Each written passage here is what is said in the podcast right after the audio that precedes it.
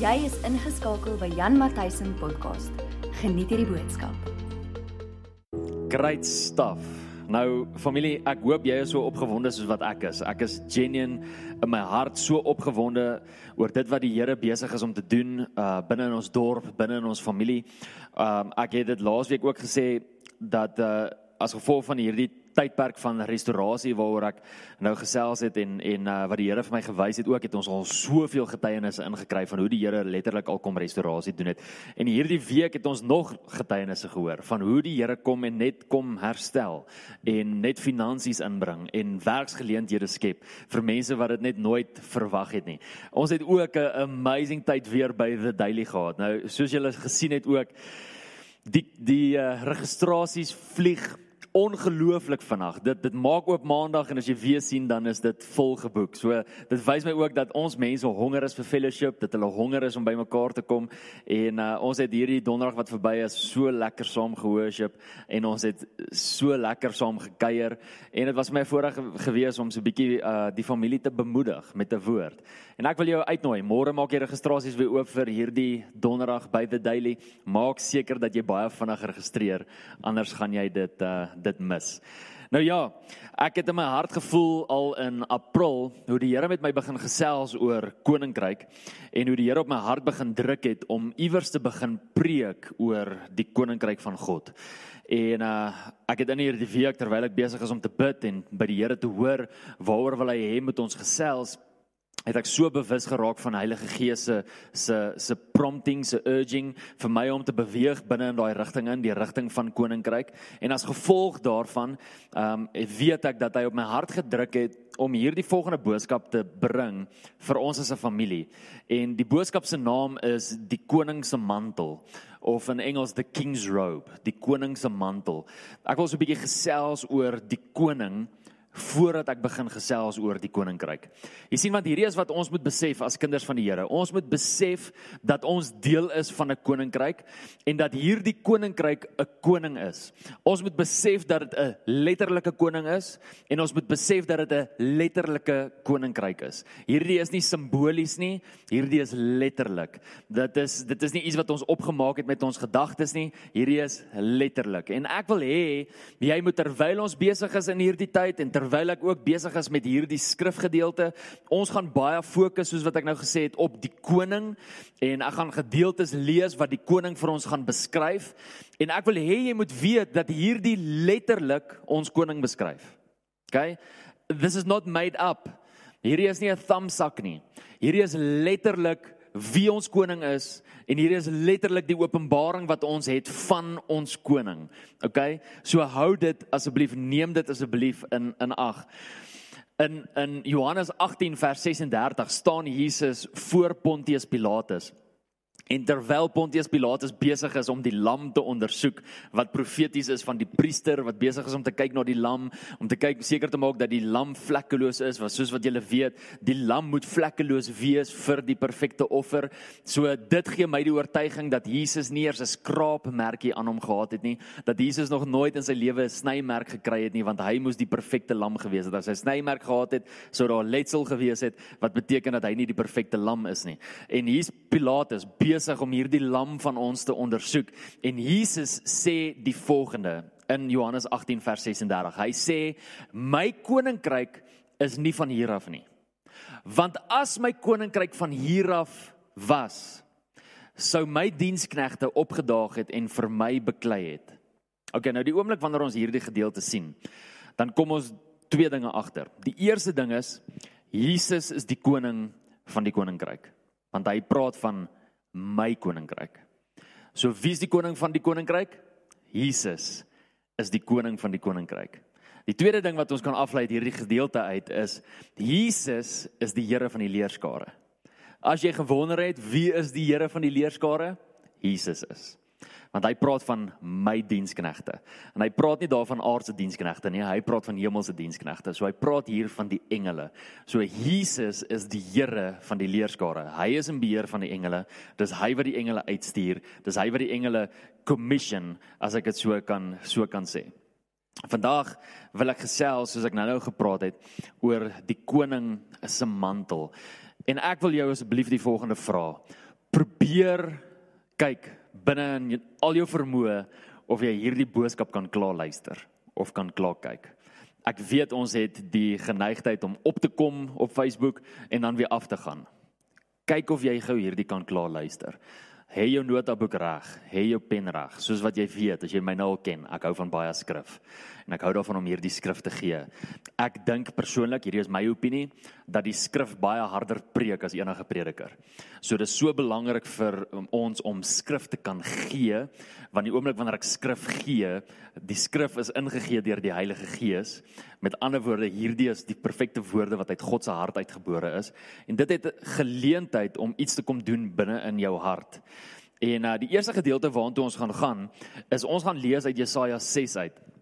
In Jesaja 6 ehm um, lees ons vanaf vers 1 af 'n amazing gedeelte. Jesaja, die profeet, het hier die amazing openbaring van Jesus. Ja, van Jesus. En hoor hier, nie van Jesus op die aarde nie, van Jesus op 'n troon. OK, kom ek lees gou vir julle. Ehm um, Jesaja 6 vanaf vers 1 af.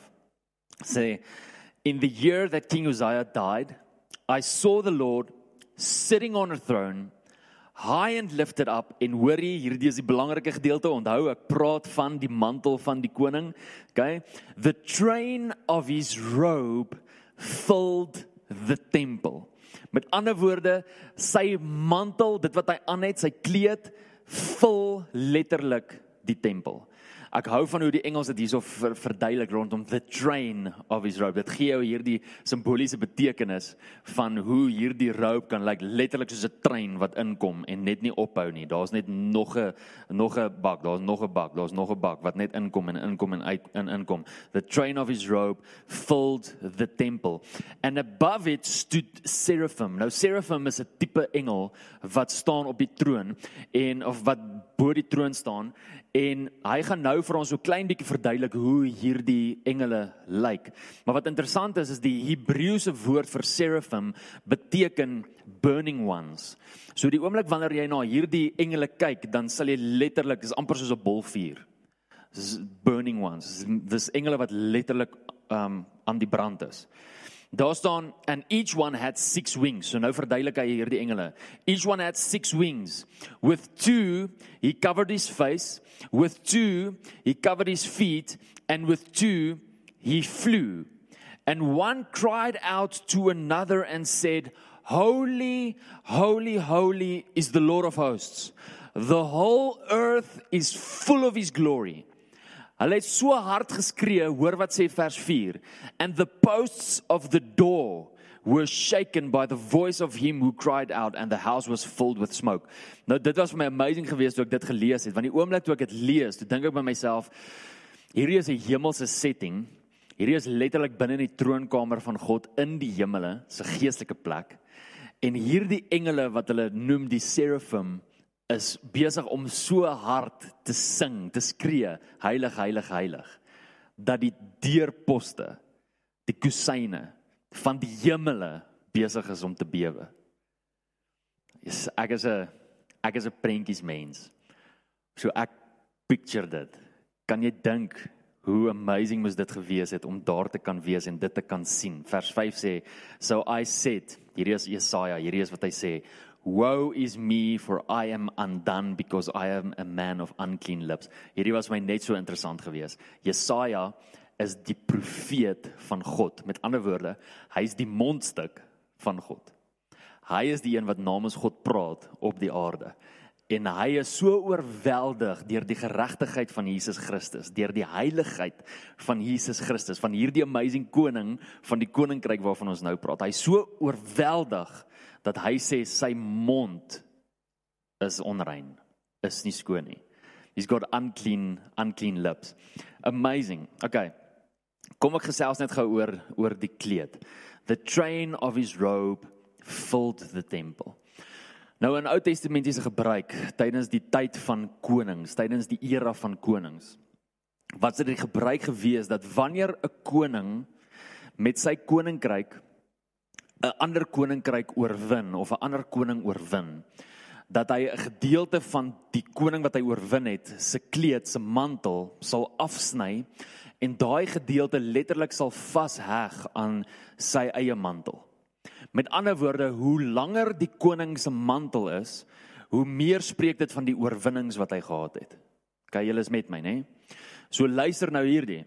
Hier kom Jesaja, hy sien die koning wat klaar sit op 'n troon. Hy het nie ingeloop nie. I saw the Lord sitting on a throne. So die koning sit klaar en terwyl hy sit, is die mantel nog steeds besig om in te beweeg. Amazing. Dit wys jou profeties van al die oorwinnings wat ons koning wat binne die beheer is van ons koninkryk al gehad het. Kom ek gee julle net gou 'n 'n 'n simboliese betekenis of verduideliking van hierdie dalk uit die uit die Bybel uit. In 1 Samuel 24 as jy gaan lees uh vanaf vers 1 tot 8, dan lees jy 'n gedeelte waar Dawid in 'n grot is en Saul en sy manskappe daar aankom en binne in die grot ingaan en Dawid wegkruip. Nou onthou die volgende dat Dawid al in hoofstuk 16, hierdie is hoofstuk 24. In hoofstuk 16 is Dawid al gesalf as koning, as die volgende koning. Maar hy's gesalf, hy's geroep, maar hy's nog nie in sy roeping nie. Kyk want daar was goed wat die Here eers moes uitsorteer. En terwyl hy wag in hierdie tydperk van hoofstuk 16 af tot en met hoofstuk 24, is Saul nog steeds die koning. En terwyl Saul koning is, maak hy klomp besluite wat net nie reg was nie en nie God se hart gedra het nie. Um en Dawid het eintlik die reg gehad in daai tyd om al te gaan en te sê luister jy ek sal nou al 'n beter koning wees as jy. Ek sal beter besluite neem. Gee my asseblief nou die geleentheid. Ek is in elk geval al lankal gesalf as koning. Maar dit was nie Dawid se hart nie.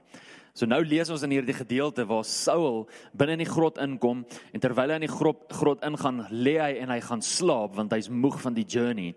En Dawid se manne sê vir Dawid: Hier's jou kans nou. Die Here het Saul in jou hande geplaas. Kom ons maak hom nou dood. En Dawid sluip na Saul toe en hy sny die hoek van sy mantel af. Né? Nee? Be with me. Hy sny die hoek van sy mantel af en hy gaan weer terug en die oomblik toe hy by sy manne kom, val daar 'n conviction van die Heilige Gees bo op sy hart en die woord van die Here sê en Dawid het sleg gevoel dat hy dit gedoen het en hy het vir sy manne gesê ons sal nie die gesalfde van die Here vandag aanraak nie. Okay, so wat het hier gebeur? Hierdie is wat gebeur het. Dawid gaan sy manne spoor hom aan, sy manne spoor hom aan om te gaan en te sê, okay, dit moet wees dat die Here sal vir jou gegee het in jou hande. En Dawid gaan en hy gaan sny die mantel af van Saul as 'n profetiese aksie, as 'n simboliese aksie dat hy Saul oorwin het. En met die oogpunt van dat hy dan nou vir Saul gaan doodmaak, sodat Dawid hierdie kleed van Saul letterlik aan syne kan vassit om te kan sê hy is die een wat vir Saul oorwin het. Maar in dit in kom die oortuiging van die Here en die Here oortuig vir Dawid so dat hy sê nee, ons gaan nie dit doen nie hierdie is die gesalfde van die Here. OK. So hierso is vir jou 'n letterlike prentjie van hoe dit sou gewees het waar Dawid sou letterlik Saul se gedeelte van sy mantel vasgeheg het binne binne in sy aan sy sy kleed, aan sy mantel. In vers 45, sorry, ekskuus, Psalm 45. Ons gaan nou na 'n volgende gedeelte toe wat ek vir julle wil wys oor die koning se mantel. In Psalm 45 sien ons die volgende Eerstens sien ons dat hierdie Psalm geskryf is deur die seuns van Kora. Nou net so 'n bietjie agtergrond oor die seuns van Kora.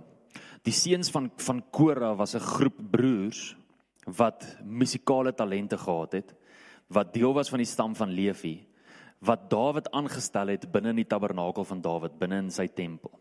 En ek dink julle verstaan al die tabernakel van Dawid, ons het dit al soveel keer verduidelik en gepreek en julle weet dat ons as 'n huis geroep is vir dit.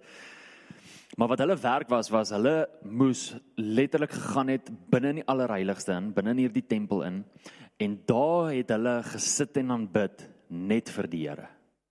Niemand anders was welkom daar nie. Die hele volk mag nie daar kom nie. Net hulle en net die Here. En hulle is besig om te minister tot die Here se hart. Hulle is besig om vir hom te sing. Hulle is besig om musiek te maak vir die Here. En wat dan gebeur het, dit was die gebruik gewees in daai tyd dat hulle 'n 'n skrywer gehad het. Um iemand wat tipe van notiele geneem het van wat daar aangaan. En as hierdie persoon voel, "Sjoe, die musikante is nou besig om om iets wat geïnspireerd is te speel," dan het hy die composition daarvan neergeskryf en die woorde daarvan neergeskryf sodat hulle dit kan neerskryf as 'n lied en dit weer kan sing, want anders vergeet hulle dit. En hierdie is wat ons hier bevind. Die seuns van Kora is binne in die teenwoordigheid van God en terwyl hulle besig is om tot hom te minister, kom die Heilige Gees. Hulle is besig met aanbidding. En die Heilige Gees kom en gee vir hulle 'n profetiese visie, 'n profetiese openbaring van die Messias, van Jesus Christus. En hulle skryf dit neer. En ek wil jou aan dit As jy nog nooit Psalm 45 gelees het nie, asseblief gaan lees Psalm 45. Het ek nog so 145. Psalm 45. Gaan lees Psalm 45, 4:5. Dis 'n amazing gedeelte, is 'n amazing profetiese gedeelte van Jesus Christus. Maar hierdie is vir my amazing. Die amazing ding is die volgende. Dat hierdie ouens terwyl hulle besig is om te speel, terwyl hulle besig is om te sing vir die Here, dat hierdie letterlik die openbaring is wat hulle kry terwyl hulle besig is om te worship. Dit laat my dink aan daai gedeelte in in Kolossense 3 vers 16 wat sê leer en vermaan mekaar met psalms, lofsange en geestelike liedere. Leer, hoor wat sê dit? Leer en vermaan mekaar waarmee? Met psalms, lofsange en geestelike liedere. Met ander woorde Paulus sê dat daar iets is wat ons die gemeente moet leer in worship. En ek wil die volgende verklaring maak. Ek wil die volgende ding sê en kan iemand asseblief hierdie komment in die comment section sodat die ander mense dit kan neerskryf. Hoor hier. Daar's 'n openbaring van God wat mens kan ontvang tydens aanbidding wat geen preek ooit vir jou sal leer nie. Ek wil dit weer sê. Skryf dit asseblief iemand moet dit in iemand moet dit komment. Daar is 'n openbaring van God wat mens kan ontvang tydens aanbidding wat geen preek ooit vir jou sal leer nie. Familie, dit is so belangrik dat jy hierdie verstaan. Dit is so belangrik dat jy hierdie vang. Jy kan luister na preek, na preek, na preek, na preek jy sal nooit dieselfde openbaring kry wat jy kan kry die oomblik wanneer jy besig is om hom te aanbid nie.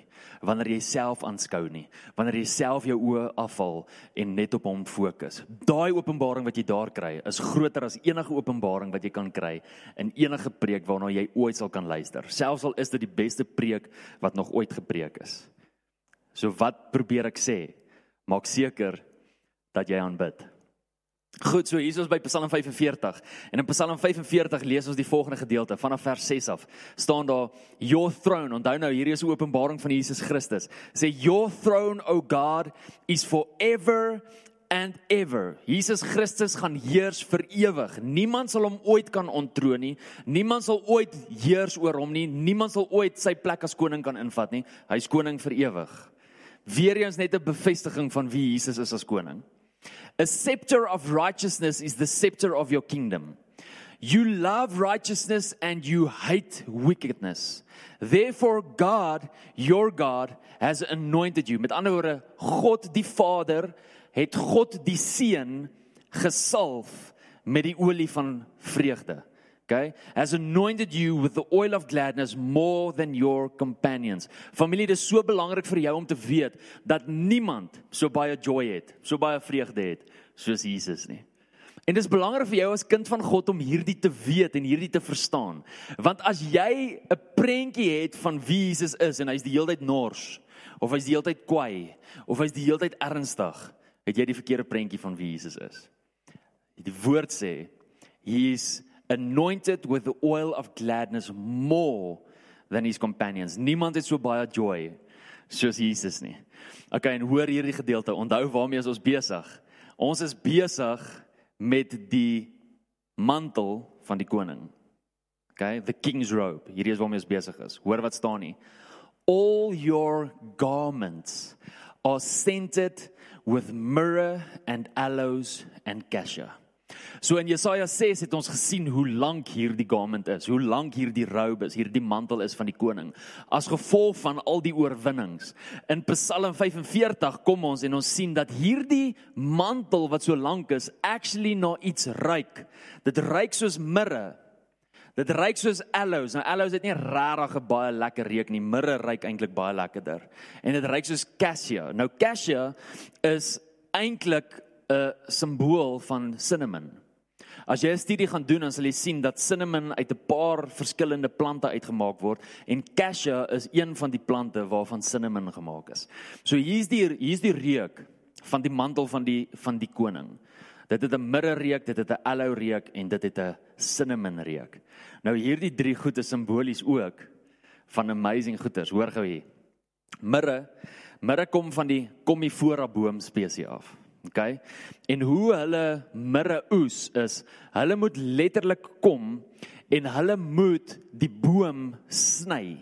En die oomblik wanneer hulle die boom sny, dan loop daar gom uit. Hoe meer hulle die boom sny, hoe meer gom loop daar uit. Nou hierdie gom is bitter. Dit proe nie lekker nie, maar dit ruik ongelooflik soet. Dis mirre. Verstaan jy die prentjie al hier? Waar is ons koning gesny? Op die kruis.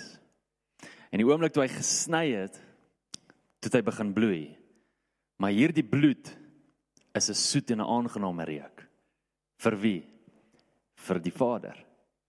So hier sien ons dat sy hele garment is gesend met mirre. Mirre kry 'n mens net geoes wanneer dit gesny word. Dit wat daar uitloop, daai gom dit is waarvan die mirre gemaak word. Aloes. Om aloes te maak, om aloe vera te kry, moet jy letterlik die aloe vera plant vat en jy moet hom jy moet die plant letterlik verbrysel. Jy moet hom vergrys. Jy moet hom maal of jy moet hom pers en die oomblik wanneer jy dit doen, dan kom daar 'n sap uit wat jy noem aloe of aloe vera sap. Nou aloes word ook gebruik as 'n genesingsmiddel, nê? Nee? Jy sit dit op jou vel want dit help jou om te herstel, dit help jou met genesing. So wat het gebeur die oomblik toe hierdie koning van ons verbrysel is? Die oomblik toe hierdie koning van ons gesny is, gedruk is, gepers is, die bloed wat daar uitgekom het, het ook vir ons die geleentheid gegee om gesond te kan word. Nie net fisies nie. 'n Mens dink altyd as jy dink aan genesing, dan dink jy aan fisiese genesing, maar emosionele genesing geestelike genesing as gevolg van ons koning. Dan Cassia. Ek weet nie of jy weet hoe oes hulle cinnamon nie. Wat hulle doen is hulle sny die buitegedeelte van die boom oop. En die oomblik wanneer die buitegedeelte van die boom oop is, dan begin hulle sny aan die binnegedeelte van die boom. Hulle hulle trek hom eintlik met 'n lem, trek hulle hom so af sodat die sodat die bas, die binnegedeelte so omvou. Dis hoekom jy sal sien dat cinnamon stokkies is altyd so omgevou as gevolg van die lem wat hulle so so aftrek. En hierdie spreek ook van dit waardeur ons koning gegaan het op die kruis. So daar's 'n rede hoekom hy ryk soos hierdie drie goedjies. Profeties wys dit vir ons waardeur Jesus moes gaan sodat hy gekwalifiseer het om hierdie kleed te kan dra, om hierdie garment te kan kry. Dis alles simbolies van sy oorwinning. Dis wat dit is. OK nou nou neem nog gou in ag. Ek het nou nog gepraat van hoe die koning elke keer as hy 'n ander koning oorwin, dat hy daai koning se kledingstuk aanheg by sy by sy kledingstuk en dan en dat daai kledingstuk dan nou langer word. En nou het ons gesien ook dat hierdie kledingstuk van hierdie koning na iets ryk. In Matteus 9 sien ons 'n gedeelte waar daar 'n vrou is. Ek dink dit is vers 20 tot 22 sien ons 'n gedeelte waar 'n vrou ly aan die probleem van bloedvloei. Sy sy het 'n probleem met bloedvloeiing. En sy kom, sy sê by haarself as ek maar net aan die hoek van sy kleed kan raak, as ek maar net aan sy kleed in die Engels if I can just touch the hem of his garment dan sal ek gesond word. En ons ken die verhaal, sy doen dit, druk dit die kraat, vat aan die hoek van sy kleed en oomblik toe sy dit doen, toe word sy gesond. Wat het hier gebeur? Hierdie vrou het letterlik profeties kom vat aan die oorwinning van die koning. En toe sy profeties vat aan die oorwinning van die koning. Onthou nou, al die oorwinnings wat hy het, vat hy 'n kledingstuk en heg dit aan sy garment vas. Hier's Jesus. Hy het hy is die koning wat oorwin. Sy grootste oorwinning wat hy gaan behaal is op die kruis. En sy kom profeties vat aan daai gedeelte wat hy al oorwin het en die oomblik toe sy daaraan vat, toe word sy gesond. It's amazing. Goed, volgende gedeelte. Openbaring 19 vanaf vers 11 tot 16. As jy nou 'n amazing openbaring wil sien van ons koning, gaan lees hierdie gedeelte. Johannes sien die volgende. Hy sê in vers 11: Now I saw heaven open and behold a white horse and he who sat on him was called faithful and true. Hierdie is van Jesus se name. Jesus se ander naam is faithful. Jesus se ander naam is true. And in righteousness he judges and makes war. He, his eyes were like a flame of fire, and on his head he wore many crowns. And he had a name written on that no one knew except himself. Dit was dis vir my nogal amazing dat Jesus 'n naam het wat op hom geskryf is wat net hy weet wat die naam beteken. Maar hoor gou vers 13. Vers 13 sê he was clothed with a robe dipped in blood. Okay. Recap. Sorry kameraman. Recap. Jesaja 6 praat van hoe lank hierdie robe is, hoe lank hierdie mantel is. Psalm 45 praat van die feit dat hierdie mantel, hierdie robe na iets ryk en dat daar prosesse moes gewees het vir al hierdie goeders sodat dit so kan ryk. Mirre daai boom moet gesny word en die oomblik wanneer dit gesny word dan bloei dit. Nou is hier 'n koning wat sit op 'n wit perd en sy robe, sy sy kleed, sy mantel is vol bloed. Wie se bloed? Sy eie bloed. Hoekom? Want hy was gesny gewees. Hoekom is dit nog steeds so? Want dit spreek van sy oorwinning. Jesus se bloed wat hier Jesus se mantel wat vol is van sy bloed is alles as gevolg van die feit dat hy gesny is aan die kruis en hierdie mantel vol bloed ryk nog steeds soos mirre, soos aloes en soos cassia. OK? Dan vers 16. Hoor gou hier. Sê and he has on his robe on his thigh a name written King of Kings Lord of lords. Wat beteken dit? dit beteken die volgende. Hier het my excited gemaak. Daar's niemand wat hy meer kan oorwin nie. Almal is klaar geoorwin. Dis wat dit beteken. Dit beteken letterlik die volgende. Dat elke koning wat 'n mantelstuk gehad het, wat hy kon byvoeg by sy mantel, is reeds daar. Daar is nie nog iemand wat hy hoef te oorwin nie. Daar is nie nog iemand wat teen hom gaan opstaan nie. Hy is die koning van die konings, die Here van die Here. Nou as jy soos ek is, ek is 'n praktiese mens, ek hou daarvan om vrae te vra. Een van die vrae wat ek vir myself gevra het is: Wie's die konings? As hy die koning is van die konings, wie's die konings van wie hy koning is? Wie is hulle? Openbaring 1 vers 5 tot 6 sê die volgende: Jesus Christ, the faithful witness, the firstborn from the dead and the worry the ruler over the kings of the earth. Okay? To him who loved us and washed us from our sins in his own blood and has made worry us kings and priests. So wie's die konings oor wie hierdie koning heers oor my en oor jou Dis die koning waar hierdie koning heers. Familie, weet jy wat beteken dit? Jogg, ek sal hierdie nooit vergeet nie, ek. Julle weet van ons gebedsessies wat ons het aan die begin van die jaar. Sit ek in een van ons gebedsessies. Ek kan nie eens onthou by wat se nie. Ek dink dit was by ons Vrydagoggend gebedsessie. Ek sit daar agter net by ons info toonbank en ek sit daar en die Here begin hierdie wat ek nou met julle preek, begin hy vir my oopmaak en hy begin dit vir my verduidelik. En die oomblik toe ek hierdie gedeelte lees en die oomblik toe die Heilige Gees vir my sê ek is 'n koning wat Jesus oorwin het. Hoor wat sê die Heilige Gees toe vir my? Die Heilige Gees sê toe vir my die volgende. Hy sê Jan, hierdie koning het jou hart gewen. En die oomblik toe die Heilige Gees vir my sê, begin ek huil daar agter. Jo. So ek kon nie op huil nie. Want dit slaan my dat hierdie koning wat in beheer is van hierdie koninkryk waarvan ons deel is, het my oorwin. Hy het my hart gewen. En familie, as jy jouself 'n kind van God noem, dan beteken dit dat hy jou hart ook gewen het. Wat beteken dit? Dit beteken die volgende: dat hierdie koninklike kleed, hierdie robe waarvan Jesaja praat wat in die tempel inkom en die tempel vol maak, is simbolies van my en jou. Dis ek en dis jy wat die tempel van God volmaak terwyl hy op sy troon sit. Hoekom? Want ons kom in sy troon in en ons sien hom op sy troon sit en die oomblik toe terwyl ons hom sien op sy troon sit en ons almal inkom wie hy oorwin het, val ons voor hom neer en ons begin hom aanbid as die koning van die konings en die Here van die Here. Ons is sy kleed. Ons is sy trofees wat hy oorwin het. Hoor hierdie gedeelte en dan gaan met hierdie gedeelte afsluit.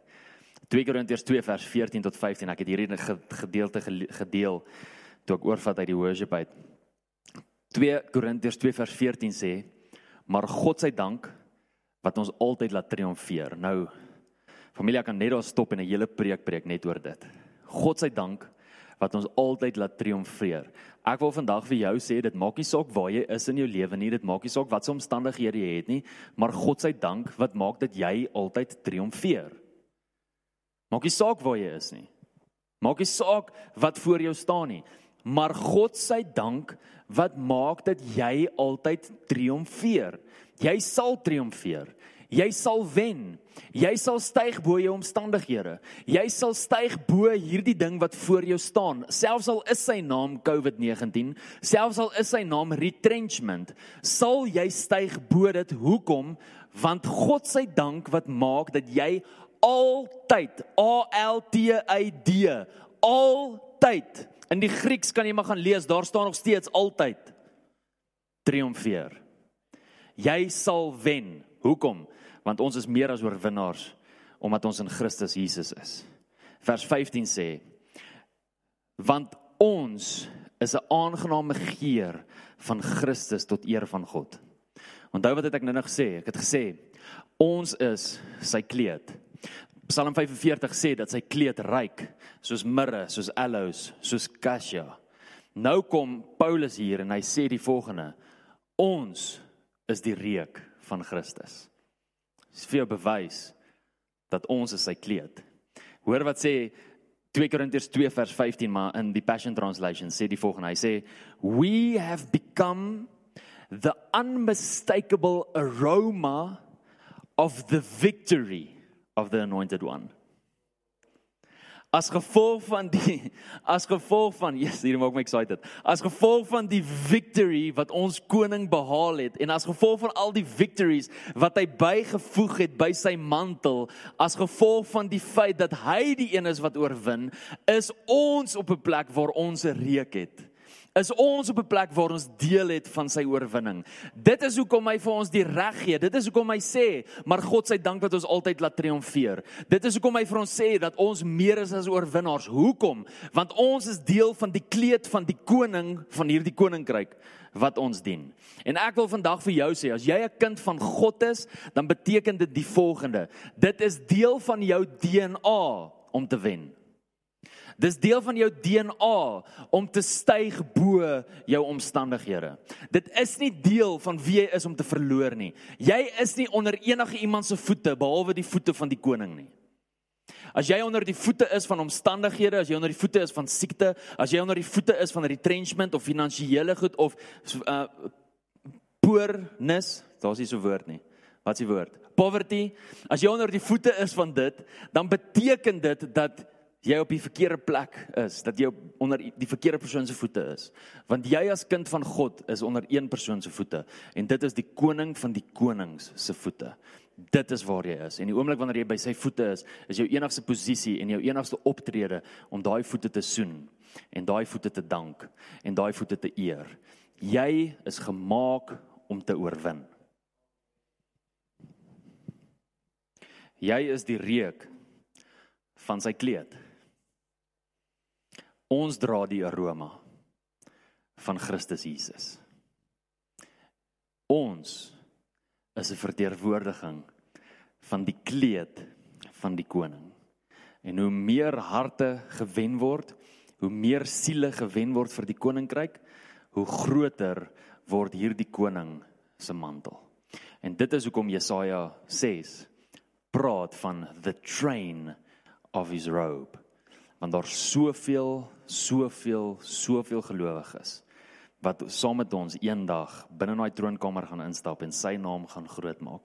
Familie, mag dit in jou hart 'n honger wakker maak om by daai koning se mantel by te voeg. Help hom. Werk vir hom. Werk saam met hom en maak seker dat nog harte gewen word sodat sy mantel nog groter kan wees en dat daar ander mense ook sal wees wat deel vorm van hierdie amazing kleed van hierdie amazing koning. Kom ek bid vir ons. Here, dankie vir u woord. Vader, ek dink dit is so belangrik vir ons om te besef wie ons koning is. Almal soek die koninkryk. Min mense is gefokus op die koning van die koninkryk. Ons moet honger wees vir die koning. Here, dis onmoontlik om die koning se hart na te jaag en die koninkryk te mis. En ek maak 'n verklaring dat ons as 'n kruisgenerasie familie, Here, ons is agter die koning aan. Ons is agter die koning se hart aan.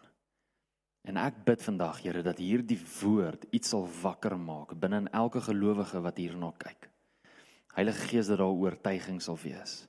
Heilige Gees dat U sal kom en dat U sal maak dat hierdie dat daar 'n urgency sal wees, daar 'n spurring sal wees, daar 'n stirring sal wees vir 'n liefde vir 'n verwondering vir hierdie koning. Here, ons eer U as koning. Ek dink aan daai song All Hail King Jesus. En hierdie is ons gebed ook, Here.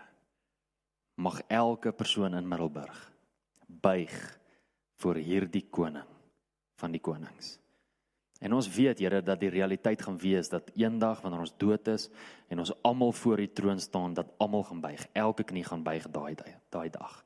Maar ek bid nou terwyl ons op hierdie aarde is. Terwyl ons in die nou lewe dat u gees op so 'n amazing manier deur hierdie dorp sal waai. Dat daar 'n 'n herlewing sal gebeur, dat daar 'n awakening sal gebeur.